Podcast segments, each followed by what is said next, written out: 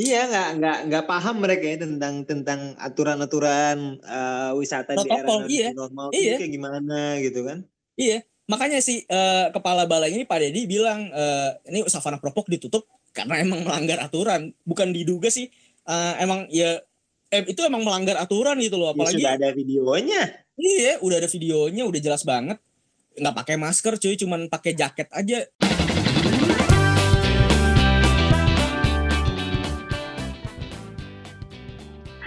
Sahabat kompas.com, selamat datang di podcast Kompas Travel, Travelcast. Gue Nana, wartawan Kompas Travel. Nah, di episode kali ini gue bakalan bahas soal update destinasi wisata Indonesia yang udah buka. Tapi hari ini gue nggak bakal sendirian nih. Gue bakal ditemenin sama salah satu editor kita, Mas Kavi, dan sesama wartawan travel, Rian.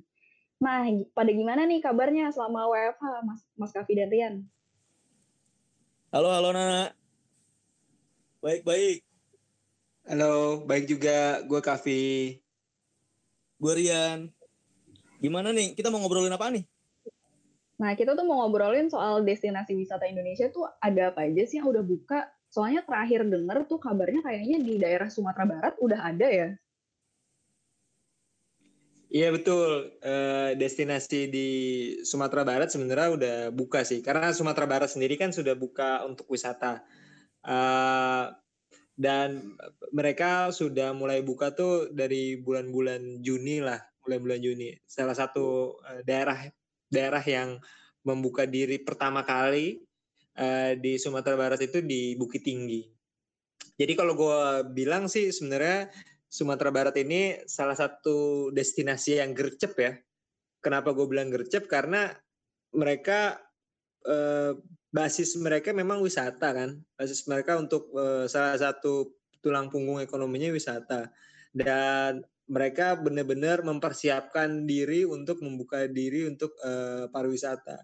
Dan alas salah satu asal alasan yang juga akhirnya mereka buka pariwisatanya itu karena penanganan COVID-19 di tempat uh, di di Sumatera Barat itu salah satu yang terbaik sih. Jadi menurut mereka uh, membuka diri untuk pariwisata secepatnya itu adalah landasan yang menurut mereka bisa masuk akal gitu. Nah, uh, kalau lu mau masuk ke atau wisatawan mau masuk ke Sumatera Barat ya sebenarnya sama aja ya. Mereka harus uh, salah satunya untuk rapid test ya. Uh, tapi menariknya di sana itu uh, di bandaranya mereka menyediakan uji swab gratis. Jadi bagi siapa saja yang mau uji swab uh, uji swab di bandara itu gratis sih. Dan uh, salah satu fasilitas uji swab itu ya untuk misalnya kalau lu pergi dari daerah mana terus ke Sumatera Barat ke dan tiba di bandara di bandara internasional Minangkabau di BIM. Kalau pas dicek suhu ada 38 derajat ya harus langsung diuji swab. Jadi salah satu preventif sih dari mereka untuk eh, apa namanya pembukaan pariwisata itu tidak jadi eh, center of pandemic lagi gitu. Nah eh, beberapa hal menarik lainnya ya eh, salah satunya misalnya saat pembukaan di wisata Bukit Tinggi ya. Eh, Bukit Tinggi itu kan banyak tempat wisata ya uh, salah satu yang paling terkenal ya kita bisa tahu soal jam gadang kemudian ada uh, taman panorama atau atau bisa dibilang uh, ketika kita masuk ke taman panorama itu uh, salah satu spot menariknya itu kita bisa ngelihat Ngarai Sianok Ngarai Sianok itu semacam apa namanya uh, wisata alam lah. Wisata alam yang itu pemandangan keren banget sih. Pemandangan keren banget. Terus ada lagi Benteng Fort the Cock nah di tempat-tempat wisata itu Sumatera Barat itu uh, terutama uh, dinas pariwisatanya itu uh, mereka punya apa ya semacam aturan aturan yang uh, cukup ketat juga untuk akhirnya uh, tempat wisata itu bisa buka dan uh, beroperasi agar tidak jadi center pandemik. Salah satunya adalah uh, pembatasan pengunjung ya udah pasti ya. Uh, ada crowd management di sana, ada manajemen pengunjungnya. Uh, jadi pengelola pariwisata itu uh, mengatur lah jumlah-jumlah uh, pengunjung supaya nggak bisa membludak gitu. Nah terus ada menarik ada limitasi jam operasional. Limitasi jam operasional ini uh, jadi dia menyesuaikan untuk uh, apa namanya sesuai dengan uh, bukanya uh, fasilitas kesehatan atau paskes misalnya salah satunya adalah uh, puskesmas gitu. Jadi uh, dibuka misalnya dari jam 8 pagi sampai jam 4 sore karena di atas jam itu paskes puskesmas itu kan nggak buka ya. Jadi kalau memang ada uh, uh, apa namanya kasus-kasus tertentu, jadi susah untuk uh, susah untuk ditangani dengan cepat atau respon gitu. Jadi mereka membuka dengan adanya limitasi. Nah, hal menarik lainnya itu uh, menarik menurut gue karena mereka uh, bikin apa ya uh, hotel bebas COVID-19. Ini ini menarik banget sih karena karena eh, kalian tahu nggak sih? Jadi kayak ada ada ini kayak semacam kayak sertifikasi kalau bisa dibilang kalau bahasa bahasa apa ya? Bahasa bahasa bahasa bahasa penulisannya lah ya bahasa penulisannya kalau dari kalangan-kalangan media itu sertifikasi hotel bebas covid. Jadi hotel-hotel ini uh, bisa dibilang uh, udah melakukan apa ya uh, semacam uji swab bagi para karyawan dan ini difasilitasi oleh pemerintah provinsi ada sekitar 200 sorry ada sekitar hampir 1000 kalau nggak salah antara 900 sampai 1000 gitu. Uh, 945 lah kalau nggak salah kalau nggak salah itu. Jadi uh, 945 orang yang sudah di swab dan hasilnya sudah sudah ada uh, negatif gitu. Uh, 945 itu dari 23 unit hotel di uh, Sumbar. Jadi uh, ketika Eh, hotel-hotel yang sudah di uh, melakukan uji swab uh, karyawannya itu nanti akan dapat kayak ya apa ya semacam sertifikasi gitu yang dikasih ke pemilik hotel dan ditempel di depan hotelnya. Jadi ada tulisan tuh uji setelah uji swab atau PCR gitu. Nah itu itu menarik karena orang jadi lebih aman kan ketika orang mau ke wisata ke satu daerah terus dia harus memilih satu tempat uh, penginapan akomodasi ya dengan embel-embel semacam itu jadi orang lebih aman untuk uh, memilih hotel tersebut.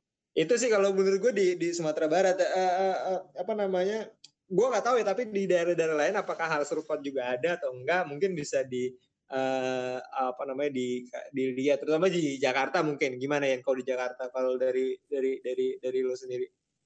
Nah kalau buat Eh, tempat-tempat uh, wisata ya di Jakarta itu udah buka sebenarnya dari pertengahan Juni sih sekitar 20 Juni deh kalau nggak salah. Itu tuh uh, udah ada beberapa tempat wisata yang udah buka. Misalnya nih kayak dari paling utara deh Kepulauan Seribu nih. Nah Kepulauan Seribu nih udah buka loh dari tanggal 13 Juni 2020 nah kalau Kepulauan sendiri Kepulauan Seribu sendiri kan kita udah tahu nih kalau apa ya kayak itu tuh wisata baharinya ya uh, untuk warga Jakarta dan sekitarnya lah orang-orang tuh udah pada tahu kalau misalnya mau ke Kepulauan Seribu itu pasti biasanya uh, mau diving, mau island hopping dan sebagainya. Nah, kalau di apa Kepulauan Seribu nih ada ketentuan baru nih uh, Bang uh, sama Nabila. Kalau ketentuan barunya nih kalau misalnya uh, Kepulauan Seribu mau diving itu harus pakai uh, alat diving sendiri dan sebagainya. Jadi uh, tahu sendiri kalau misalnya uh, alat diving itu kan kebanyakan itu kan dipakai berganti-gantian gitu loh. Nah ini uh, salah satu caranya untuk menghindari kontak fisik antara uh, si wisatawan itu. Kepulauan Seribu ini juga apa ya? Uh, dia tuh juga ada kan dia kan juga apa ya uh, di daerah lain lah, maksudnya di Jakarta tapi di seberangnya Jakarta gitu loh, di di tengah laut gitu. Oleh karena itu ya kita kalau masuk sana ada ketentuannya sendiri buat masuk. Syarat masuk ke Kepulauan Seribu itu uh, tetap kita harus punya apa ya kayak surat keterangan bahwa kita tuh akan masuk ke Kepulauan Seribu. Nah, terus nih selain Kepulauan Seribu nih ada juga wisatawan yang udah buka di Jakarta nih tempat wisata nih. Uh, apa ya kayak Ancol pertama tuh kan uh, Taman Impian Jaya Ancol tuh Dufan juga udah buka pantainya juga udah buka namun ada ketentuan lain nih. Kalau misalnya biasanya kan kalau sebelum pandemi nih wisatawan tuh biasa ke Ancol ya ke pantainya ya kan tak berenang gitu tapi di era uh, new normal ini ada ketentuan nih. Jadi wisatawannya itu nggak boleh berenang sekalipun menyentuh air pun nggak boleh di pantai Ancol. Jadi emang uh, kemarin saya juga sempat uh, liputan sih ke sana. Uh, itu tuh ada pembatasnya gitu loh. Jadi jadi ada pembatas antara pasirnya sama laut uh, di Ancolnya itu. Jadi ada nggak boleh si wisatawannya ini sampai ke tepian pinggir pantai gitu nggak boleh ada dibatasin gitu juga. Nah terus juga ada apa namanya kayak klaster-klaster gitu loh, klaster-klaster uh, si wisatawannya nih. Misalnya uh, satu satu keluarga ini kan biasanya kalau di Ancol tuh pantainya uh, yang wisatawan dari Jakarta apa dari mana-mana nih banyak kan sering bawa rame-rame orang nih keluarga lah gitu. Misalnya paling enggak minimal empat orang. Nah yang mini, si keluarga wisatawan, wisatawan keluarga ini nanti dipakai klaster-klaster gitulah. Jadi klasternya itu tuh uh, apa namanya di kotak-kotakin gitu empat uh, kali empat meter gitulah itu kotak-kotaknya itu juga pakai kayu batang-batang kayu gitu dibatas-batasin agar ya si wisatawan ya cuman keluarga itu cuman bisa di situ aja gitu loh nggak bisa uh, ada wisata keluarga lain nyampur di situ dan itu kan uh, seperti kita tahu nih di masa pandemi nih ya kita kurang-kurangi hindari berkerumun gitu loh. Terus juga tentunya pantai apa Taman Impian Jaya Ancol tuh juga membatasi kapasitas kunjungan ya. Jadi uh, apa ya kapasitas kunjungannya di Ancol tuh wisatawan tuh dibatasi yang masuk ke Ancol per harinya itu sekitar 500 orang. Begitu juga di Dufan. Kemarin juga selain ke Pantai Ancol juga uh, gue kan apa ya kayak jajal lah jajal main-main di Dufan gitu kan Dufan juga kayak gitu masuknya masuknya tuh ketat banget jadi dari masuk Taman Impian Jaya Ancol aja tuh wisatawan nih udah pasti ya diperiksa suhu tubuhnya lalu apa namanya eh uh, udah masuk udah masuk tuh udah udah boleh gitu kan kalau misalnya mau ke Dufan itu nanti bakalan ada cek lagi nih cek itu nama uh, cek reservasi tiket online jadi sebelum ke Ancol itu kita harus reservasi dulu nih melalui online gitu kan jadi udah nggak bisa uh, misalnya beli tiket offline di Ancol tuh udah nggak bisa. Jadi harus kita harus reservasi online dulu baru bisa menikmati uh, wisata di Ancol gitu kan. Dan apa ya di Dufan itu juga semua wahana nggak semua wahana yang udah dibuka cuman ada 20 uh, 20-an wahana yang udah dibuka dan emang uh, pengalaman pengalaman lu gimana ya? Nah, pengalaman, pengalaman gua kemarin Iya, pengalaman gua sampai mabuk kalau salah. itu, Bang. Apa namanya? Bukan mabuk sih, jadi kayak kan gue biasanya kalau wah biasanya aja padahal baru sekali ke Dufan ya nah ini gue uh, terakhir ke Dufan sih pas liputan tahun lalu 2019 itu kan sebelum pandemi ya ya tahu sendiri kalau sebelum pandemi pasti yeah, rame yeah. banget di Dufan ya kan bang? Ya ya ya ya. pas gue kemarin ke Dufan uh, terakhir kemarin nih pas pandemi ini be gila udah berasa sultan lu bang kalau sono bang. Sultan ya asik. Kenapa nih gue bisa bilang kayak sultan ya? Buset bayangin aja bang istana boneka sendirian lu berani? Nah eh, sendirian nih kan kok mau ke istana boneka? Nggak ngantri coy. Jadi kan kalau misalnya sebelum sebelumnya nih kalau lu ke Dufan lu nggak bakal tuh bisa uh, ke istana boneka sampai berkali-kali. Nah terus ke apa gue ada lagi nih nah histeria gue bisa tiga kali gue nih histeria. Karena apa nggak ada yang ngantri. Bayangin itu nggak ada yang ngantri. Itu tuh gue cuma naik sama berapa orang? Tiga orang kalau nggak salah. Itu kan juga di apa ya kayak ada batas-batasan juga kan tempat duduknya tuh.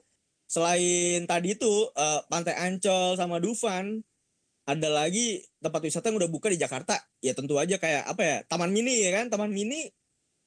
Gua gua nggak liputan ke sana sih Taman Mini. Cuma oh, iya. ya Taman, taman kayak lu ya nah ya? Taman Mini ya nah ya iya gimana tuh nah Taman Mini nah, nah. lu berenang di danau nggak eh seru banget sih. Jadi gua berenang di danau nya lu? Gila lu keren yeah. banget. Jalan di atas air gitu. eh, gue jadi yang pas pertama datang itu kan gue masuk ke Taman Mini tuh lewat pintu utama tuh pintu utama tuh kalau nggak salah dari arah Masjid Atin. Nah itu tuh bener-bener beberapa meter apa apa satu kilometeran gitu dari tempat pembelian tiket tuh ada kayak gapura terus di bawahnya tuh ada tempat untuk penyemprotan disinfektan buat kendaraan gitu dan jadi yang pas bahkan sebelum nyampe ke tempat apa tempat penyemprotan disinfektan itu tuh emang udah banyak banget imbauan-imbauan soal pakai masker terus ya kalau suhu lebih dari 37,3 derajat tuh mendingan lu pulang aja deh nggak usah batu mau jalan-jalan terusnya harus cuci tangan yang bersih sebelum masuk ke area taman mini itu tuh udah ada di spanduk terus ya poster gede-gede gitu jadi emang dari pihak tempat wisatanya udah bener-bener imbau dari awal sebelum mereka beli tiket sih. Tapi kalau untuk pembelian tiket Taman Mini itu sebenarnya ada dua caranya. Jadi dia bisa online ke situs resminya sama bisa on the spot. Kalau misalnya untuk pembelian on the spot tuh kayak lebih banyak kalau nggak salah waktu itu tuh ini deh dari pemotor. Jadi kalau misalnya mau beli tiket secara langsung dia tuh juga ada protokol kesehatannya sendiri gitu jadi setiap kendaraan udah diatur jarak amannya terus dicek suhu tubuhnya dulu, habis itu cuci tangan, terus transaksi kayak biasa. Nah, si orang ini nih disuruh cuci tangan lagi setelah transaksi biar aman, baru mereka bisa masuk ke dalam. Terusnya kan dia tuh nggak semuanya dibuka kan, apa atraksi wisatanya. Jadi tuh beberapa yang waktu gue liputan gue kunjungin itu tuh ini apa anjungan. Jadi anjungan tuh emang sebagian besar udah buka.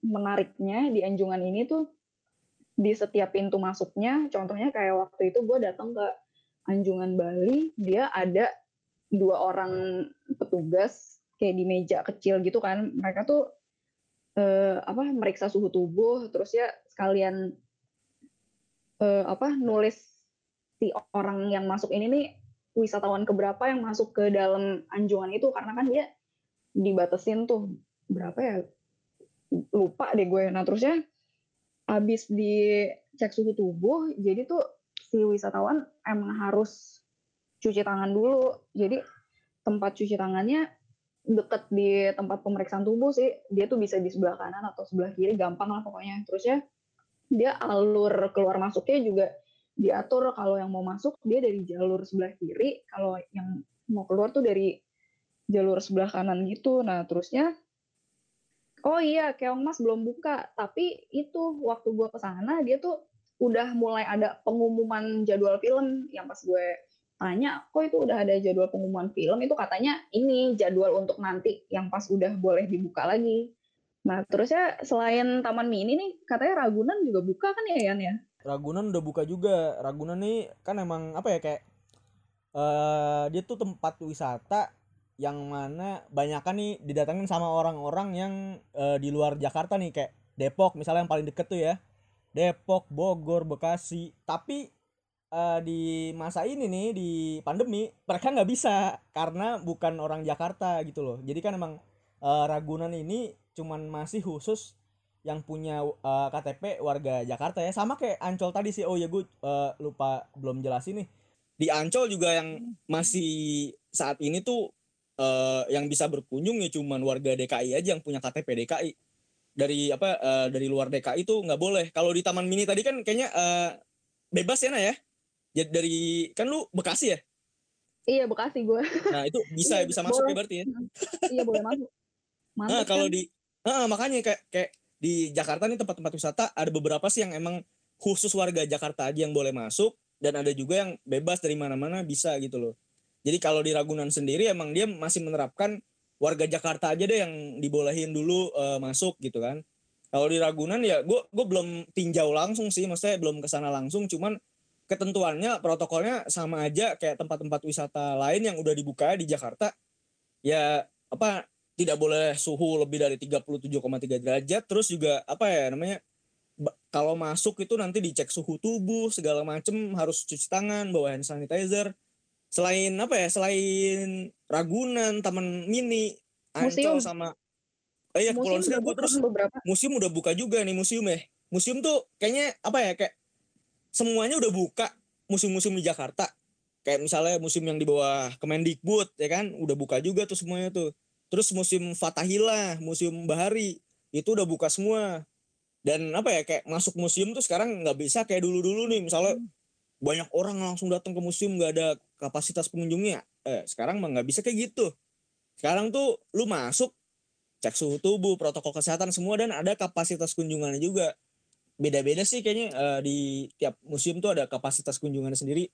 Kayak apa ya kayak uh, misalnya nih di museum Fatahillah nih dia sekarang nggak uh, apa ya nggak ada tuh tiket offline misalnya kayak dulu kan pembelian di uh, pembelian tiket langsung di loket pakai apa ya kayak uh, uang uang uang apa namanya uang fisik nih gitu kan sekarang kan pakai kartu nih apa ya kartunya gue lupa namanya Jack Card kalau nggak salah Jack Card tuh dia terintegrasi sama uh, transportasi alat transportasi di Jakarta gitu loh kayak uh, Transjakarta MRT dan sebagainya jadi Jack itu bisa langsung uh, ini sih dipakai juga pas lu mau masuk mau masuk museum tuh bisa tuh. Jadi tinggal top up aja kayak biasa lah kita pakai imani gitu lah. Itu sih uh, kalau kemarin-kemarin kan museum-museum tuh kan apa namanya? sebelumnya sebelum pas masih udah ada pelonggaran PSBB ini kan kita biasa kalau wisata ke museum tuh ada tur-tur virtual gitu-gitu kan. Nah, sekarang udah bisa nih warga Jakarta eh, pergi ke museum, kembali apa belajar sejarah dan melihat-lihat artefak segala macam ke museum lagi nih. Dan apa ya kayak ada jam operasional juga sih. Di museum itu dibuka eh, kan kalau dulu tuh apa ya kayak Sabtu Minggu buka. Nah, sekarang museum tuh Sabtu Minggu nggak buka. Dia batasnya hari Jumat dan ada waktu operasionalnya itu kalau nggak salah ya jam 9 sampai 15 lah sampai sampai jam 3 sore tuh dilayanin apa orang boleh masuk gitu kalau gua kurang gitu lengkap sih coba eh, mungkin bisa baca aja kali ya berita-berita kita ya Nah ya di kompas.com ya Iya berita-berita kita soal apa pembukaan tempat wisata sama protokol kesehatan kan emang cukup lengkap kan kita bahas. Hmm, hmm, hmm, nah itu uh, apalagi nih kan kalau tadi kan kita ngomong Jakarta nih ya, Oh yang iya. De deket-deket Jakarta nih kan Jawa Barat nih. Lu kan Bekasi, Jawa Barat ya? iya Jawa Barat gue nih. Uh, tuh tempat mana aja yang udah buka di tempat wisata tadi? Udah zona-zona hijaunya sih beberapa. Cuma uh, zona hijau. sekarang uh, cuma kalau misalnya untuk zona itu kan dia kan ini kan apa kayak uh, fluktuatif gitu. Jadi mungkin harus dicek secara berkala sendiri sih. Cuma yang pasti itu untuk saat ini buat kalau misalnya lu nih pengen misalnya lu dari DKI Jakarta atau dari wilayah lain selain Jawa Barat itu tuh kalau mau, mau masuk tempat wisata tuh nggak boleh soalnya ya emang ketentuannya sekarang tempat wisata Jawa Barat tuh cuma untuk warga Jawa Barat aja soalnya biar apa ya biar gampang ngelakuin ini loh apa kontak tracing kalau misalnya dia ke tempat wisata terusnya ada apa-apa di sana gitu. Jadi lebih gampang aja untuk apa untuk ngelakuin pelacakannya itu. Dan juga kan itu untuk apa untuk yang wisatawan asal Jabar ini sebenarnya masih tahap pertama. Jadi nanti bakalan ada tahap kedua itu dari daerah yang udah bukan epicentrum tapi ya cuma kan itu masih dilihat lagi kan apa tergantung situasi dan dan kondisinya kayak gimana salah satu kan kalau misalnya sekarang kan kita pakai masker tuh udah bukan apa ya seharusnya udah bukan kayak kewajiban lagi nggak sih pakai masker tapi itu ya emang udah secara natural lu pakai masker kan buat ngelindungin diri dan ngelindungin orang lain juga. Dan ini untuk Jawa Barat sendiri tuh dari gubernurnya dari Ridwan Kamil dia juga dari tanggal 27 Juli kan udah berlakuin denda kan buat yang nggak pakai masker di daerah sana itu sekitar 100 sampai 150 ribu. Jadi ya udah cukup aman lah kalau misalnya warga Jabar mau wisata jelajahin Jabar gitu. Secara kan eh, apa Jabar kan punya banyak tempat, punya banyak destinasi wisata yang menarik untuk dikunjungi kan. Salah satunya tuh kayak Pangandaran. Nah nih Mas Kavi sama Rian, kalian tahu nggak? Anjir, gue nanyanya kayak lagi kuis banget ya. Jadi, gue, jadi di, apaan tuh, apaan tuh, apaan tuh? Fakta menarik nih soal Pangandaran nih. Jadi mereka itu kan sebelumnya waktu pas 5 Juni dibuka tuh kan seluruh wisatawan Jabar harus bawa ini kan apa hasil rapid test gitu. Nah, cuma waktu apa sejak 1 Juli 2020 mereka tuh udah nggak berlakuin hasil rapid test itu. Jadi wisatawan Jabar bisa bebas aja masuk ke Pangandaran. Cuma kalau misalnya untuk wisatawan non Jabar, kalau misalnya nanti mereka udah nerima yang kita nggak tahu kapan, itu nanti mereka tetap disuruh bawa hasil rapid test itu dan juga apa namanya eh, kalau misalnya ada wisatawan yang lupa bawa hasil rapid test itu yang wisatawan non Jabar ya kalau misalnya nanti udah dibuka itu tuh mereka bakal bisa ikut rapid test di halaman Palang Merah Indonesia terusnya di area Cijulang terusnya area Green Canyon sama area Batu Karas dan Pangandaran ini termasuk ini ya apa salah satu yang emang ketat banget karena kan benar-benar seluruh apa perbatasan itu poinnya kan checkpointnya dijaga banget di, di apa ditanya identitas terus ya surat keterangan sehat buat yang datang dari luar Jabar. Tapi ini yang datang dari luar Jabar dalam konteks dia bukan untuk berwisata ya. Karena kan kalau untuk berwisata ya emang hanya warga Jabar aja gitu yang diterima. Terus selain Pangandaran kan juga ada Garut. Nah Garut ini udah buka dari 8 Juni. Cuma kan waktu pertengahan Juni kalau nggak salah ya. Pokoknya beberapa waktu lalu dia sempat ada kabar katanya seluruh tempat wisata tuh bakal ditutup. Cuma itu tuh bukan ini apa bukan seluruh tempat wisata tapi kayak tempat wisata yang kebetulan areanya itu masuk dalam klaster gitu, itu tuh bakal ditinjau kembali sih, bakal dievaluasi kayak gimana. Jadi kalau misalnya emang masih aman gitu boleh dibuka. Cuma kalau misalnya emang harus ditutup ya ditutup. Cuma nggak langsung ditutup gitu loh. Dan juga mereka emang sejak buka nih selalu ngadain evaluasi berkala sih ke seluruh tempat wisata buat mastiin kalau mereka tuh eh, apa namanya protokol kesehatannya tuh masih berjalan gak sih gitu. Kalau misalnya ada yang longgar dikit itu langsung dikasih peringatan. Dan juga oh iya ada yang baru-baru ini uh, soal Kabupaten Majalengka. Itu Majalengka tuh kan emang terkenal sama wisata alamnya kan bagus-bagus banget. Cuma sayangnya karena adanya lonjakan Covid dari tanggal 21 Juli sampai 2 sampai 2 Agustus itu tuh mereka terpaksa nutup 186 tempat wisatanya. Bener-bener semuanya enggak cuma yang di daerah yang ada klasternya aja itu bener-bener semuanya ditutup. Itu oh, tuh buat?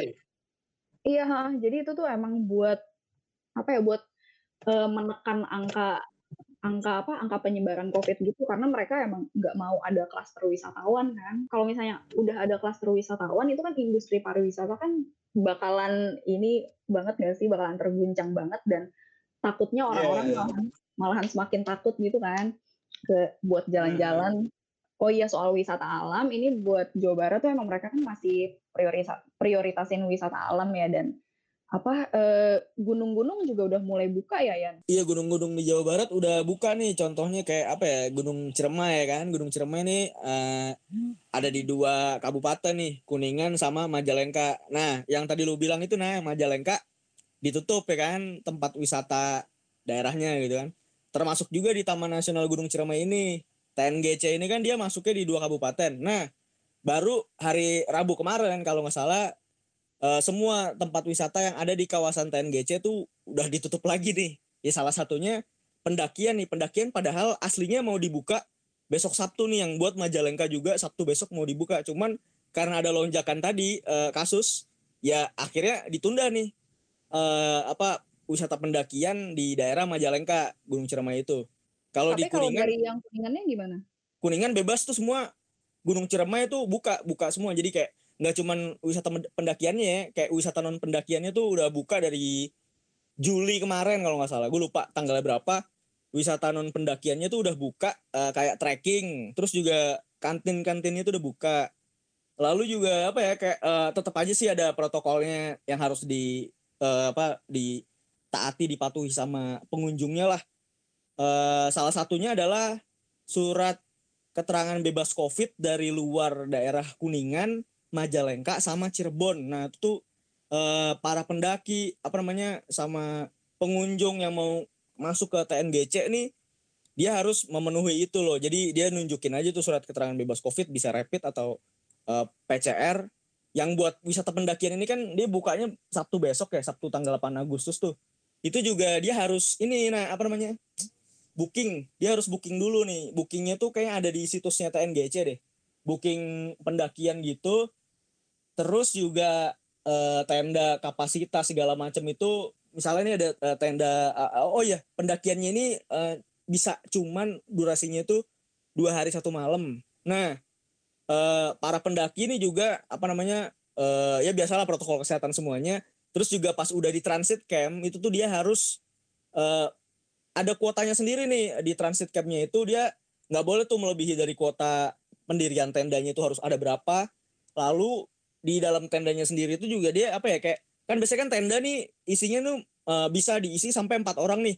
Cuman pas di era ini nih di era adaptasi baru ini ya 50 persennya. Jadi maksimal tuh tenda satu itu tuh diisi dua orang. Dan itu juga uh, apa ya kayak pendakiannya ini tuh uh, ya sebetulnya sama sih standar operasionalnya sebelum masa pandemi juga. Apalagi kan ini lagi musim-musim dingin ya suhu-suhunya tuh lagi apa uh, tinggi-tinggi uh, rendah-rendahnya gitu loh. Uh, selain protokol kesehatan yang harus diterapkan protokol kesehatan COVID-19 ya protokol pendakian sebelumnya juga harus di patuhin lah. Jangan sampai lupa tuh kayak misalnya sleeping bag matras kotak P3K pun juga harus dibawa. Dan jangan lupa sih bawa makanan ya. Maksudnya kan e, kalau kemarin wisata non pendakian itu cuma satu hari one day trip. Nah ini kan dua hari satu malam, dua hari satu malam berarti otomatis lu nginep di gunung. Nah jadi ngecamp di gunung berarti lu harus bawa makanan coy. Ya gitu sih nah, maksudnya uh, gunung-gunung di Jawa Barat udah pada buka. Selain gunung apa namanya Ciremai itu juga ada gunung ini ya. Apa namanya Papandayan. Papandayan itu juga udah buka tuh.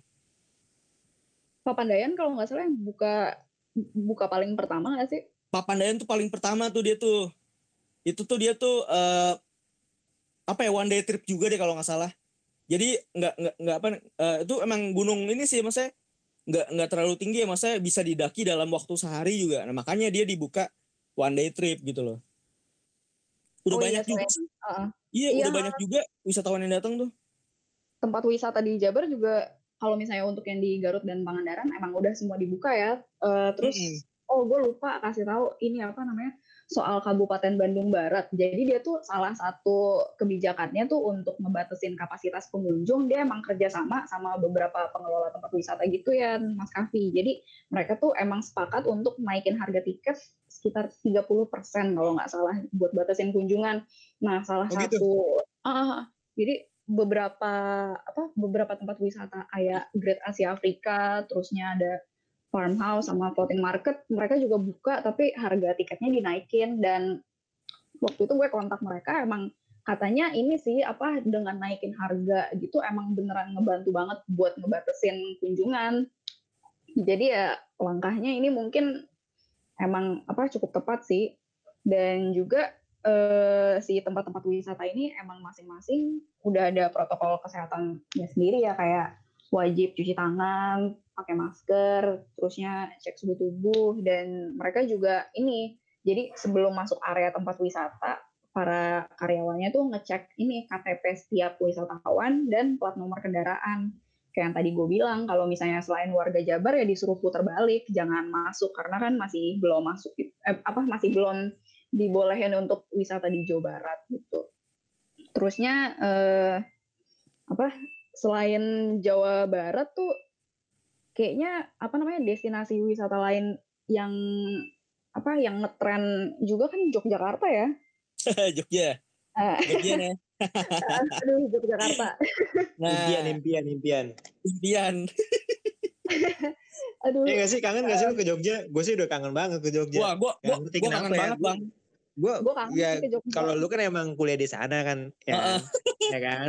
Pasti kan lu punya banyak kenangan sama mantan lo ya kan? Sama siapa lah apalah ya kan? Cem-ceman. Kalau gue tuh nggak nggak ada relate apa pun ke Jogja gitu kan. Kalau ke Jogja tuh kayaknya rasanya adem ya gak sih? Ada iya, bener, bener. ya auranya iya. Iya, orang Terus, bilang ya. wisatanya murah gitu. Tapi menurut gue nggak murah-murah amat tergantung lo ke mana aja gitu. Tapi iya. bukan soal harga bos gitu kan. Kenangannya. Emang ya? Kenangannya ya? gitu. Aduh, Kayak jalan-jalan pagi di Malioboro gitu kan. Nah, sama kakek nenek itu. Kayak hmm? bahkan gue yang di Bekasi aja punya kenangan sama Jogja walaupun itu pahit banget karena mantan gebetan. tapi emang Jogja ngangenin sih Iya kan Jogja ngangenin. Eh uh, yang soal Malioboro tuh emang yang tadi kan kita ngomong Malioboro, Malioboro ya. Tapi Malioboro tuh sekarang ketat banget kayaknya sih ya. Ketat banget bang emang beneran. Iya Jadi, gimana sih tuh ketat tuh? Iya. Uh, apa ya kayak kalau dulu nih Malioboro udah pusatnya keramaian banget dah. Maksudnya itu orang dari mana-mana, nggak cuman wisatawan lokal Jogja, nggak mungkin lah itu di Malioboro tuh cuma orang Jogja nggak mungkin. Jadi tuh dari dulu tuh emang Malioboro tuh udah terkenal lah. Wisatawan mancanegara wisatawan Nusantara tuh ngumpul semua jadi satu di situ. Nah pas pandemi datang ini nih uh, pemprov eh, pemkotnya kota Jogja nih apa namanya menerapkan lah pengketatan itu. Jadi setiap pengunjung Malioboro ini dia uh, jadi di, di Malioboro ini udah ada nih kayak apa ya uh, pas mau masuk kawasan Malioboro nih dari dari arah mana sih? Jalan Mangkubumi ya Jalan Mangkubumi. Uh, nyebrang rel kereta itu kan itu langsung masuk Malioboro tuh. Itu bakalan ada Jogoboro. Jogoboro tuh kayak apa ya uh, penjaga Malioboro tuh loh. Dia tuh pakai pakaian hitam uh, pakai belangkon begitulah. Uh, dia tuh apa namanya bakalan ngecek nih uh, suhu-suhu tubuh wisatawan yang masuk ke situ ke daerah Malioboro. Jadi uh, dia juga harus sebelumnya itu udah apa ya download uh, aplikasi Jogja Pas sama visiting Jogja. Jogja Pas ini nih kayak paspornya Jogja gitu loh istilahnya. Jadi kayak uh, Oh, jadi orang-orang masuk iya, orang-orang masuk ke Hmm. Jogja nih eh, nggak bisa sembarangan gitu loh. Maksudnya lu tuh udah harus punya Jogja Pas, visiting Jogja. Nah, kalau misalnya mau tahu Nggak, nggak cuma Bekasi doang yang punya paspor ya? nah Oh iya, Nah, iya. Bekasi punya paspor kita. Jogja juga ada, Bro. Eh. Terus terus terus gimana bro? Nah, Eh itu, itu tuh eh, apa namanya? Yan, Hah? Yan BTW itu yang visiting Jogja dia katanya bisa reservasi online juga ya. Iya, Buat itu dia. Nah, jadi eh, apa ya kayak udah visiting Jogja nih eh, dia tuh emang aplikasi khusus buat wisatawan yang datang ke Jogja. Eh, yang mana dia nggak perlu lagi beli tiket offline di tempat-tempat wisatanya. Karena emang eh, apa ya zaman-zaman ini eh, udah menghindari banget lah kita beli tiket secara offline gitu loh langsung pakai uang eh, kertas lah biasa gitu kan itu eh, eh, apa ya kayak penghantar virus gitu loh. Jadi zaman-zaman eh, era new normal ini itu tuh eh, semua tempat wisata di Jogja itu eh, udah harus ada eh, apa ya kayak wisatawannya itu memiliki visiting Jogja ini Visit- visiting Jogja ini ya tuh eh, apa ya fungsinya yaitu salah satunya reservasi tiket online gitu loh. Jadi eh, wisatawan nih harus reservasi online dulu baru pas udah sampai di tempat di tempat wisatanya dicek nih lu beneran nggak eh, beli apa re- udah reser- reservasi secara online belum? Nah ntar lu tinggal tunjukin aja nih ini gitu. Eh, mbak ininya.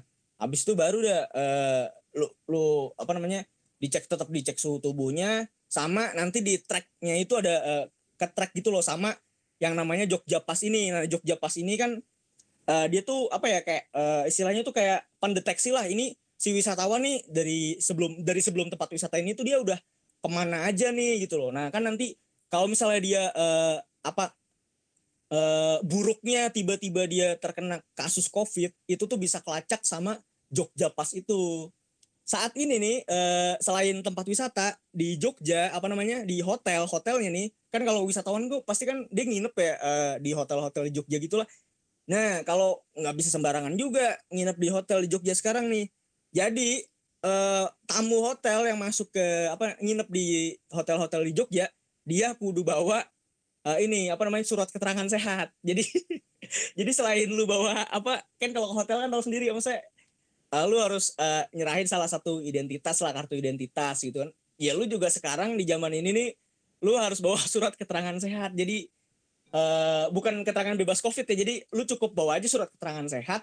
Nanti kan bakalan ditanya eh, mas eh, mbak bawa surat keterangan sehat nggak? Oh bawa nih mas gitu. Eh, kasih dah ke resepsionisnya ini surat keterangan sehatnya. Eh, yang menjamin eh, si tamu ini beneran sehat gitu loh. Tapi itu bukannya buat wisatawan non Jogja kan ya? iya jadi wah itu itu bang jadi Wisatawan Jogja kan? Iya wisatawan dari luar Jogja. Nah, yang buat masuk keluar eh, keluar masuk Jogja aja nih bang, apa namanya?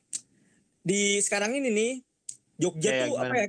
Heeh, Jogja tuh ini dia tuh nggak bisa nih misalnya kayak dulu kan Jogja nih sering banget ya kayak terkenal buat studi tour nih studi tour tuh apa namanya kayak eh, anak-anak sekolah dateng naik bus gitu bareng-bareng satu rombongan isinya 40 orang bus gitu nah ini udah nggak bisa Jogja belum belum bukan nggak bisa sih Jogja belum bisa menerima eh, wisatawan dalam kategori tersebut gitu katanya eh, Kadispar Jogja.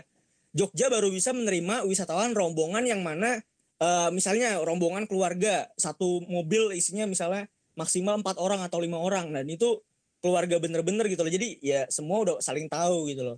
Terus juga wisatawan rombongan dinas, rombongan dinas nih yang dimaksud dia punya surat keterangan dinas, terus juga dia jelas maksudnya apa sih tujuan lu ke Jogja gitu. Ini mau ada surat keterangan dinasnya nih, acara ini ini ini dan udah uh, apa udah punya surat keterangan bebas Covid ya. Uh, yang pasti kayak minimal rapid test.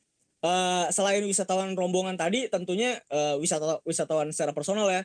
Itu kalau wisatawan secara personal sih bebas keluar masuk aja sih kalau ke Jogja. Uh, meskipun dari luar zona eh, zona merah merah pun tetap bisa uh, ke- datang ke Jogja. Cuman salah satu syarat pentingnya yaitu bang apa namanya rapid test gitu loh emang ya lu kalau mau wisata ya harus sehat lah gitu Kalau kalau kalau kita berangkat sama teman-teman gitu, kalau misalnya lu sama mantan lu, terus sama mantannya mantan temen lo gitu, itu bisa gak sih? Banyak ya mantannya. Banyak Enggak, enggak. banyak mantan harian. Takutnya takutnya dia mau ini apa namanya? Reunian ya bang ya. gitu kan. Jadi pertanyaan gue bisa gak nih? Bis. Kan banyak nih ya kan setelah Ah. berbulan-bulan di lockdown ya kan, banyak yang mereka mulai bersemi bersemi kembali gitu. Ah. ya bisa bang bisa.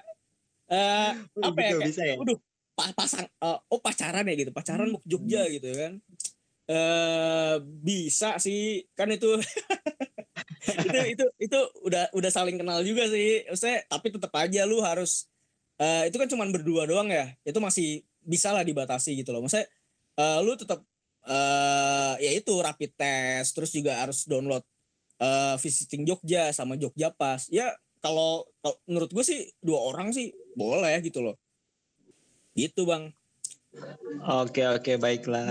Siap siap siap. Gimana jadinya ya? Sudah siap untuk bersemi Ya, kembali? bang gue mau nyari lagi yang lain Mencari di mana Banyuwangi?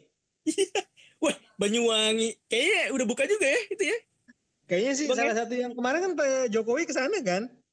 iya Hmm, sama apa, menteri ya Jokowi terus Wisnu siapa, Tama, ah. menteri gitu ah, banyak gitu kan ngobrolin apa? Eh ini apa lihat kesiapan ya kalau nggak salah ya? Kesiapan, di iya. Ya. Iya. Kan mereka tuh termasuk siap banget sih. Iya, Oh iya, banget. gimana tuh Iya ngomongnya. gimana, Iya, jadi gimana tuh jadi wisatawan Mereka punya protokol luar- sendiri kan? Kalau nggak salah? Iya, wisatawan dari luar Banyuwangi sekarang tuh wajib bawa hasil rapid test kalau mau berkunjung. Jadi lu udah bawa itu hasilnya, terusnya lu datang ke tempat wisata, nanti lu tunjukin hasilnya ke petugas ya. Tapi itu apa namanya hasil rapid testnya emang masih harus ini ya harus valid ya. Jangan lu bawa hasil yang udah kadaluarsa dari beberapa minggu lalu lu tunjukin gitu. 14 hari ya? Iya, 14 hari. 14 hari Terus Terus juga ini apa sama kayak Jogja dia ada aplikasi Banyuwangi Tourism. Jadi si wisatawan nih sebelum apa berlibur ke sana emang ada baiknya install aplikasi itu. Soalnya kan dia tuh ada ini loh apa lu bisa beli tiket langsung di situ apa tiket tempat wisata jadi yang pas udah sampai lu nggak perlu ada transaksi tunai lagi kan buat apa buat ngurangin kontak gitulah biar lu aman terus juga apa ya jadi yang pas lu sampai lu bisa langsung tunjukin aja bukti pembelian di aplikasi itu dan menariknya dia tuh ada ini loh apa kayak kapasitas gitu setiap pagi, siang sama sore buat pembatasan pengunjung misalnya gue datang ke satu tempat wisata nih. Nah, di situ keterangannya udah 100 orang nih di hari Minggu jam 7 sampai jam 10 pagi. Nah, gue sebagai orang ke 101 kalau misalnya mau pesan tiket itu nggak bisa. Sama aplikasi itu udah langsung otomatis ditolak. Jadi emang udah ini siapa emang udah siap banget ininya apa pariwisatanya si Banyuwangi ini untuk dikunjungin. Dan juga kan dia kan ini apa ada sertifikasi protokol kesehatan. Nggak cuma di objek wisata tapi juga di hotel terusnya homestay terusnya kayak semacam kafe, restoran, sama sentra kuliner rakyat juga udah ada sertifikasi protokol kesehatan. Jadi ya emang setiap apa setiap uh, pelaku industri wisata di sana emang udah ini sih kalau udah lolos sertifikasi itu ya dia udah bisa kembali beroperasi juga dan apa karena ini Banyuwangi udah aman berarti kan di waktu terdekat ini udah bisa lah ya dikunjungi gitu dan juga kan mereka kan punya ini kan apa beberapa tempat beberapa tempat wisata menarik kayak Kawah Ijen gitu misalnya. Kan kok di sana kan bisa ngeliat Blue Fire kan. Rian eh Ian lu kan ini kan anak gunung lu pernah lihat Blue Fire belum di Kawah Ijen? Belum cuy belum. Gue belum kesampaian ke itu Kawah Ijen. Gimana gimana nak? Dia, Iya, dia- pernah itu Blue Band ya. Blue Band. Margarin. Tiap hari, tiap hari. Ya. dia kalau lihat Blue Band Blue Band kagak perlu ini ya kagak perlu tips-tips ya itu mah Ada tipsnya lapar. emang nak? Lu kalau mau ke Blue Fire nak? kenapa Emang ada tipsnya kalau ke Blue Fire? Bukannya cuma naik doang gitu, terus ngeliat udah tok gitu doang? Iya gak sih? Atau emang ada tips-tipsnya ya? enggak lah ada tips-tipsnya ngaco. Jadi Oh, dia gitu. tuh uh, ih, gila gue sotoy banget ya padahal gue juga belum pernah ke sana. loh.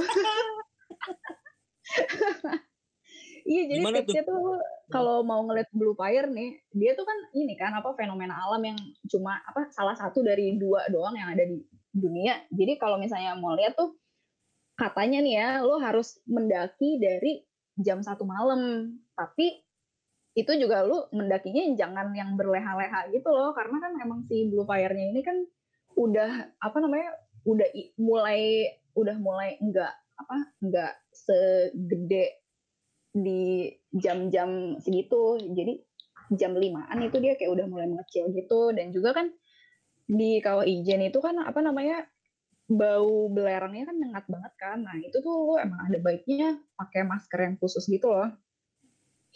Gitu sih. Terusnya juga apa namanya Banyuwangi kan selain ada kawah ijen kan juga ada ini kan apa yang bang sering underwater ya. Yang lu bisa lihat apa ikan badut lu tau gak sih yang di film Finding Nemo itu Oh, Terusnya kan- badut tahu Iya, iya, badut, iya. badut, badut tahu badut. Ikan badut. Iya, bukan badut-badut ini ya, bukan badut-badut lucu gitu ya, tapi ikan badut ya.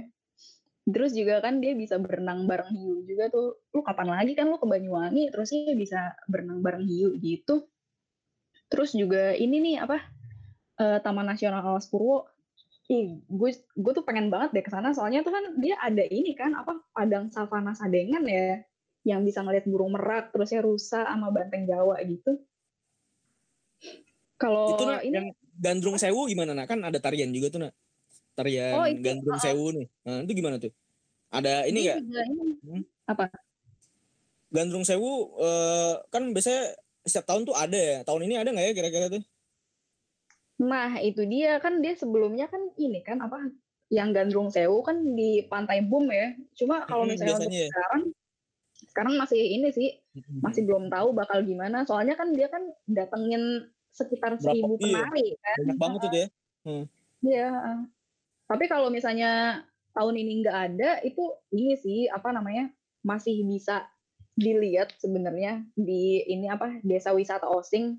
Dia juga dia bisa ini apa belajar tari gandrung. Cuma kalau misalnya buat kabar terbarunya masih belum tahu sih itu desa wisata udah bisa nerima wisatawan apa enggak. Cuma kan kembali lagi sekarang kan Banyuwangi kan udah ada sertifikasi protokol kesehatan kan. Jadi seharusnya seluruh tempat wisata udah aman lah. Itu Mm-mm. apa namanya? sertifikasi protokol kesehatan kayaknya di Bali juga ini ya ada ya.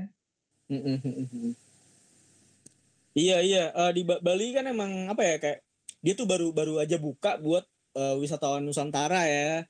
Tanggal Mm. 31 Juli tanggal 31 Juli kemarin nih baru buka nih. Sebelumnya dia tanggal 9 Juli dia tuh udah buka buat wisatawan lokal khusus orang Bali aja di situ gitu kan. Nah pas Kalau kemarin ini- tanggal Hah? Kalau wisatawan mancanegara masih ini ya Ma- masih mancanegara September kalau nggak Oh. salah. hmm, Tapi kan itu kan rencana ya. rencana sih tanggal maksudnya 11, eh, tanggal 11 tanggal rencananya. 11 September ya Bang ya. Hmm. Iya, tapi tuh sebenarnya hmm, apa ya kayak sebetulnya tuh dia apa eh, di- dinas pariwisata Bali tuh tetap melihat eh, lonjakan kasus sih. Kalau misalnya tiba-tiba eh, meninggi ya bisa jadi mungkin eh, diundur. Kalau misalnya eh, apa namanya eh, kasusnya stabil aja ya bisa jadi dilakukan September gitu loh. Jadi emang Bali ini eh, ketat ketat juga ya kayak daerah-daerah lain. Apalagi nih Bali kan kayak eh, pusatnya pariwisata di Indonesia gitu loh. Jadi Bali da- dari dulu terkenal banget sama wisatawan mancanegaranya yang udah wah udah sering banget lah sana gitu loh. Udah tahu Bali ini apa gitu. Nah, eh, karena itu ya dia ketat banget protokol kesehatannya. Salah satunya ya itu dia nggak mau buka buru-buru nih. Ya kan kayak dari kemarin kan berita nih banyak banget nih. Bali kapan sih eh, orang apa orang-orang pada nanya Bali kapan sih dibuka? Kapan dibuka gitu loh. Udah Bali udah dibuka cuy dari tanggal 31 Juli kemarin. Cuman ya emang eh, apa ya namanya eh, Bali sendiri juga nggak mau muluk-muluk gitu loh. Dia nggak mau tiba-tiba langsung kedatangan banyak wisatawan gini-gini enggak. Bali tetap eh, apa ya kayak membatasi eh, apa ya orang-orangnya yang datang ke sana sih salah satunya dengan membuka secara bertahap itu mulai dari wisatawan lokal dulu nih dites wisatawan lokal ke tempat wisata udah aman apa belum gitu loh baru kalau misalnya udah aman eh, dibukalah wisatawan buat wisatawan Nusantara kayak tanggal 31 Juli kemarin tuh udah dibuka Dan uh, gue kemarin sempat wawancara sih sama Kadisparnya Bali, uh, itu Pak Putu. Dia bilang sejak dibukanya Bali uh, buat wisatawan Nusantara 31 Juli kemarin, itu tuh kedatangan uh, apa ya wisatawan Wisnus itu naik uh, 15 sampai 17 persen dan uh, ternyata nih uniknya nih uh, wisatawan nih sekarang datangnya ke tempat-tempat yang uh, apa namanya tempat-tempat yang alam gitu loh. Misalnya nih kayak Pantai Pandawa, terus Tanah Lot itu tuh kata Pak Papu tuh itu tuh dua dua dua tempat itu tuh wah ramai banget dah. Uh, kemarin pas sejak dibuka wisatawan Nusantara untuk Bali gitu loh. Nah, Pantai Pandawa ini kan sama apa Tanah Lot itu kan emang terkenal banget. Uh, ya dia tuh lokasinya uh, di dekat di di dekat laut lah gitu loh. Pantai Pandawa sama Pura Tanah Lot itu. Kan dia emang tahu sendiri kan pemandangan itu emang wah asoy banget lah di sana. Jadi emang wisatawan nih di era adaptasi baru ini ya emang apa ya uh, membutuhkan yang asik-asik lah, yang seger-seger gitu loh, yang emang dia udah berbulan-bulan di rumah, yang uh, gitu-gitu aja gitu loh. Nah, sekalinya Bali udah dibuka, ya udahlah, mereka pasti ke sana dan cari tempat-tempat yang istilahnya bisa uh, nyegerin mata sama uh, memberikan apa ya uh, nuansa baru gitu loh. Salah satunya Tanah Lot sama Pantai Pandawa. Nah, apa ya di, di Bali juga uh, ini sih, maksudnya syarat masuk Bali itu sama kayak ke daerah daerah lain juga, dia harus minimal rapid test. Jadi uh, apa ya di Bali itu juga apa namanya orang orang-orang masuk ke Bali itu harus rapid test dan emang uh, masuk ke tempat-tempat wisata juga bakalan dicek suhu tubuhnya dan segala macam gitu loh. Ada kapasitas kunjungan juga uh, yang mana uh, apa ya?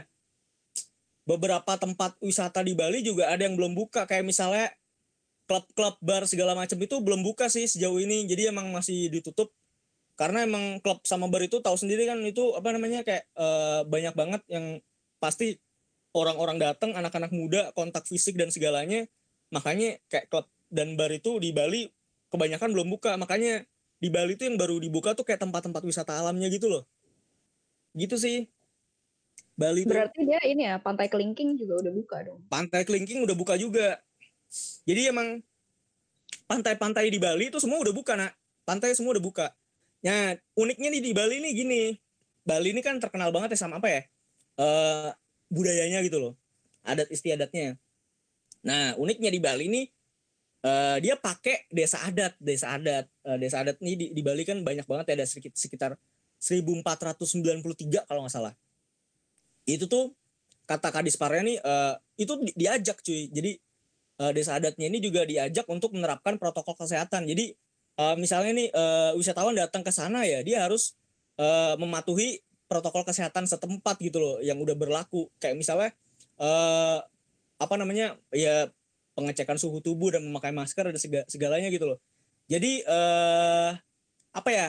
Oh iya uh, namanya juga ada apa sih penjaga adatnya gitu loh. Jadi dia nih uh, apa ya? Uh, apa sih namanya sebutannya pecalang kali ya? Nah itu tuh dia juga pecalang, pecalang. pecalang ya bang ya. Uh, dia juga membantu nih mem membantu apa uh, jalur keluar masuknya wisatawan nih. Misalnya uh, ada wisatawan mancanegara datang gitu kan apa uh, namanya uh, bakalan dicek suhu tubuhnya gitu loh. Wisatawan mancanegara kan emang uh, sebenarnya di Bali masih ada gitu loh di sana. Dia emang boleh bo bo boleh kok boleh uh, kunjungan wisata. Cuman yang emang udah ada di Bali dari dulu maksudnya uh, udah dari sebelum pandemi dia nggak balik ya nggak balik iya nggak balik. Uh -uh.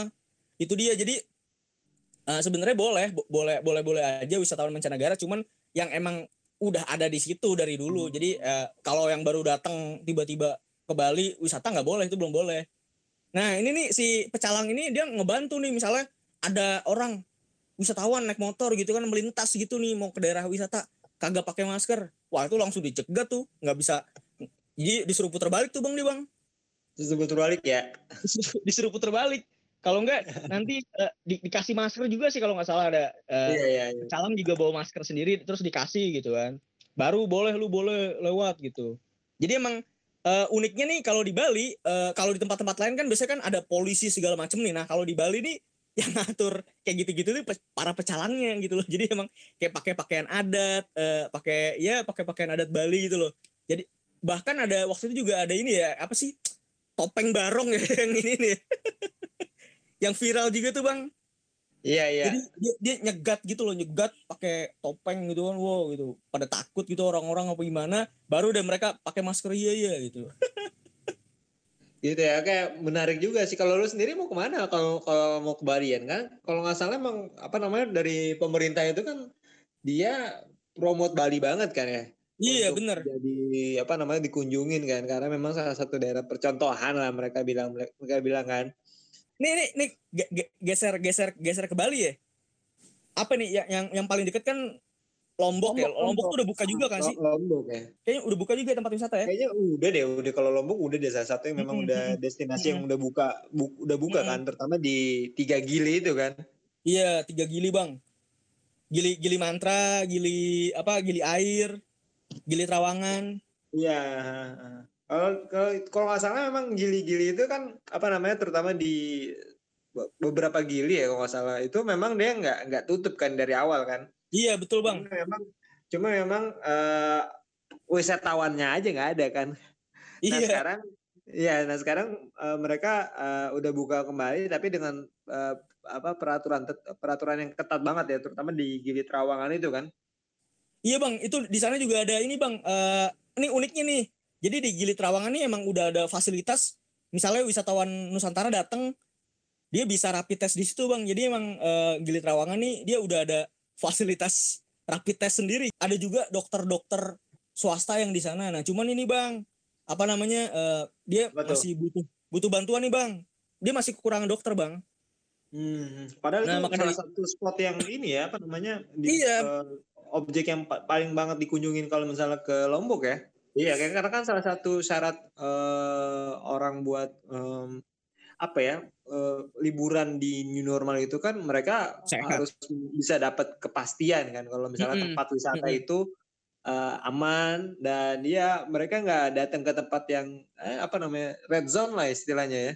Emang tujuannya nih bener-bener buat ya membangkitkan trust dari wisatawan sendiri ya bang ya. Iya betul betul betul. kepercayaan kepercayaan ini penting banget loh gitu loh jangan sampai ngomong mempercaya nih jangan sampai kayak kasusnya di Rinjani ya. Nah. Nah, Oh ini iya. kan jadi udah buka ya. Rinjani kan di- di NTB juga ya, udah dikasih Lombok ya. kepercayaan malah diingkarin. Akhirnya Iya. putus deh. Eh curhat deh. Iya, itu jangan sampai ke Rinjani tuh kan. Contohnya ini bang ya. lagi kan? Savana Propok. Iya. Nah, iya, itu gimana sih tuh? aduh itu Savana Propok itu kan Savana ya. Propok nih Kok iya bisa bisanya dugem orang mau Nah. otaknya di mana makanya itu ya ampun nih bener-bener Sampai, apa namanya? Saking bosannya di rumah ya, sampai dugem di situ. ya nggak Ya nggak gitu juga sih nak Udah capung, capung rasanya tuh. Aduh, kok di Gunung Dugem? Eh. gue nggak tahu lagi deh sumpah itu bener-bener eh, sampai kepala BTN GR-nya ini sama eh, ini kan Savana Propok nih bang dia kan dikelola sama Pok Darwis nih bang kelompok sadar wisata jadi Hmm. emang apa ya kedua pihak nih ba- baik BTN GR sama salah-salahan. iya bu, enggak enggak bang jadi eh Pok Darwis ini udah sepakat nih dua-duanya eh, Ah. untuk menutup Savana Propok mulai dari Kamis kemarin ya Kamis 6 Agustus sampai waktu yang belum ditentukan nih ya, ya emang gercep juga sih maksudnya Eh, itu kan kejadian tanggal tiga, tanggal 1 Agustus kalau nggak salah malam minggu cuy itu aduh itu tuh bener-bener gue gue gue lihat videonya sih ya maksudnya eh, ini kan pemuda-pemudi ya maksudnya ini kok dia apa nggak tahu ini covid lagi ada covid apa gimana Iya, nggak nggak nggak paham mereka ya tentang tentang aturan-aturan eh, wisata di era iya. normal Iya. itu kayak gimana gitu kan? Iya, makanya si eh, kepala balai ini Pak Dedi bilang eh, ini Savana Propok ditutup karena emang melanggar aturan. Bukan diduga sih, eh, emang ya eh, itu emang melanggar aturan gitu loh. Ya, Apalagi sudah ada videonya. iya, udah ada videonya, udah jelas banget. Nggak pakai masker cuy, cuman pakai jaket aja. Nah, Kayak dikira pandemi hoax doang kali ya. pengawasannya gimana sih mereka sebenarnya tuh? Harusnya kan harusnya pengawasannya ketat dong kalau dari Iya, pembukaan iya, Bang. gitu kan. Mm-mm, mm-mm.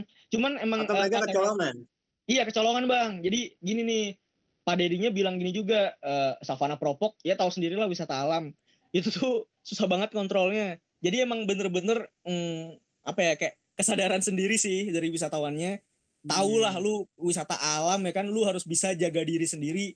Kalau misalnya di dari depan pintu masuk aja udah dikasih tahu protokol kes- kesehatan harus diterapkan. Ya udah, imbasnya bukan ke lu cuy, imbasnya ke tempat wisatanya. Ya iya nggak sih bang?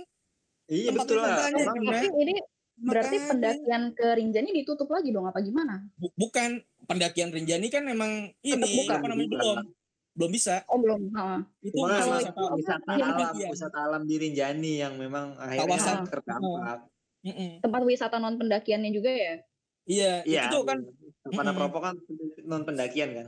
ada delapan tempat kalau nggak salah tuh di kawasan TNGR yang udah dibuka dari dari 7 Juli bentar ya Yang telaga biru itu juga enggak sih? iya itu tuh nah ini nih Otak Kokok Joben itu tuh udah dibuka juga atau Joben Eco Park Telaga Biru air terjun air terjun Jeruk manis. Air terjun Iya, air jeruk terjun manis. Jeruk Manis, Gunung Kukus, air terjun Mayung Polak, Sebau, Savana Propok, dan air terjun Mangku Sakti. Jadi ini berarti tinggal tujuh ya. Iya tinggal Yang lain tujuh. Yang- yang lain masih dibuka ya berarti ya. Yang lain masih dibuka bang. Mereka tuh ada pembatasan pengunjung nggak sih yang di Propo? Ada ada itu? bang. Ada ada 30% bang. Jadi emang 30% eh, dari berapa tuh? Tapi kemarin kalau 30%. kalau kita lihat video kan banyak banget kan itu kan. makanya itu bang. Jadi emang eh, apa ya? Jadi kok bisa rame-rame banget nih orang udah gitu eh, apa namanya? eh deket-deketan segala macam gitu. Berarti kan kayak penerapan protokol kesehatannya kan belum ini banget gitu loh. Jadi ya selain balik lagi ke sendi balik lagi ke diri sendiri, sebenarnya eh, pengelola tempat wisatanya itu juga seharusnya eh, bener-bener menerapkan protokol itu yang udah diterapin, yang udah disepakati ya udah gitu loh. Oh ya sel- selain 30% tuh kan tempat apa ya tempat wisatanya ini juga dibatasin waktu operasionalnya. Jadi dibuka tuh dari mulai pukul 9 sampai 15 sore. Nah, jadi emang sebenarnya semua tempat wisata itu udah udah ada apa ya waktu operasionalnya sendiri. Jadi emang lebih dari jam itu lu bakalan dikenain biaya tambahan gitu loh istilahnya. Hmm, biaya tambahan tapi nggak nggak nggak nggak apa namanya nggak efektif juga ternyata kan. Iya, makanya. Itu dia lah, Bang. Iya, jadi pengawasannya sebenarnya pengawasannya memang apa namanya harus ditingkatin lagi sih menurut gue sih karena harus memang ada ada apa ya petugas yang memang standby banget di sana dan berkeliling gitu. Kalau nggak kayak gitu kan nggak nggak bisa kan dan terutama sanksi ya. Sanksi Iya. yang bagi melanggar itu kan Blacklist lah, Bang, blacklist. iya sanksi melanggar itu apa gue kira harus ada ya. Ngomong-ngomong batasan pengunjung tuh di mana sekarang di Labuan Bajo ya? Labuan Bajo. Oh iya, NTT, Bang, ya? Di NTT itu mereka eh, apa ya? Mereka akhirnya punya kebijakan untuk pembatasan pengunjung ya. Mm-mm, sa- Salah satunya itu, Bang, yang reservasi booking online itu ya.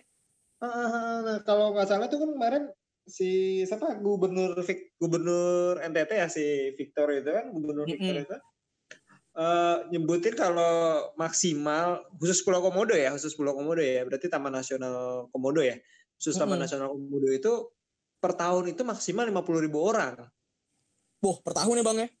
per tahun maksimal Hmm. 50 ribu orang dan kalau hariannya itu maksimal 25 orang kalau nggak salah nah itu apa namanya eh, kalau menurut gue sih agak efektif ya agak efektif karena mengingat eh, eh, apa namanya eh, Taman Nasional Komodo itu kan benar-benar sebuah daerah yang memang di memang peruntukannya itu apa ya konservasi ya pulau konservasi ya. Tapi di sisi lain juga bisa jadi daya tarik wisata sendiri kan. Eh, Mm-mm. dengan pembatasan itu konservasi bisa jalan daya tarik wisata bisa jalan. Kalau menurut gue sih kayak gitu ya. Dan eh, ya pemerintah pemprov NTT juga bilang kalau mem- memang cara itu bisa salah satu yang eh, eh, kesinambungan lah plus ditambah masa pandemi kayak gini gitu kan akhirnya eh, kebijakan itu salah satu yang bisa mengurangi eh, penularan COVID-19 gitu. Kalau dari lu sendiri ngelihatnya gimana ya kalau Labuan Bajo dengan atau misalnya Nana ngelihat Labuan Bajo terutama di Pulau Komodo dengan pembatasan kayak gitu efektif nggak sih? Apalagi dengan apa daftar online dulu ya sebelumnya berarti ya mereka ya. Iya, Bang, itu Menurut efektif Heeh. aja sih. Heeh. efektif ya. Soalnya kan apa eh, terlebih kalau misalnya dari yang apa namanya dari yang luar pulau gitu kan ke sana kan pasti kalau dari budget kan udah kayak apa ya kunjungan tuh udah terbatasi secara sendiri kan sih terus ditambah lagi kan sekarang kan seleksi alam seleksi alam seleksi Iya. kantong seleksi alam kantong kan heeh. Jadi emang apa ya kayak eh, Labuan Bajo sama Pulau Komodo eh, khususnya nih wisata eh, tempat wisata di NTT emang kalau menurut gua Bang itu udah apa ya penerapan protokol ini udah ketat ketat banget sih kalau menurut gua. Apalagi kayak Pulau Iya. Komodo itu loh. Pulau Komodo kan biasanya itu dikunjungin sampai ribuan ya Bang ya. Itu ya banyak aduh, lah ya turis Iya, ya terutama Iya, Nah. wisatawan mancanegara. Jadi emang sekarang kapal-kapal tuh pada datang Iya. ya kan ya bisa dibayangin dan, dong dan kalau ka- dan kalau nggak salah kalau kapalnya itu cuma Berapa? Lima ya? lima ya. lima kapal gitu untuk Lima kapal eh, ya, Bang? bersandar di Pulau Padar kalau nggak salah. Tapi kalau gue rasa sih ya, kalau gue rasa sih ya ini apa ya eh istilahnya sambil menyelam minum air. Kenapa gue bilang sambil menyelam minum air? Karena kan isu ini kan sebenarnya udah di eh, gongkan atau dimulai kan sebelum pandemi kan, Iya, iya Bang. Sebelum pandemi dan akhirnya pandemi kayak gini mereka ada alasan gitu. Kalau dulu kan disebutnya wisata apa namanya eh, wisata premium kan. Itu aja sih kalau menurut gue sih banyak juga ya kita tadi ngobrolin soal destinasi ya.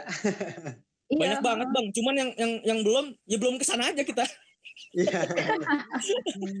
tapi bukan berarti destinasi yang kita nggak obrolin bu- berarti belum buka ya. Tapi eh, banyak destinasi yang udah buka. Eh, teman-teman Mm-mm. bisa eh, lihat di Kopas Travel artikel-artikel kita yang mengulas beberapa tempat wisata yang udah buka juga ya. Eh, Iya. Dan dan dan protokol kesehatannya eh, tentu diterapkan masing-masing. Tapi secara umum protokol kesehatannya sama nanti. Eh, eh, karena memang kan mengacu pada protokol kesehatan COVID-19 kan.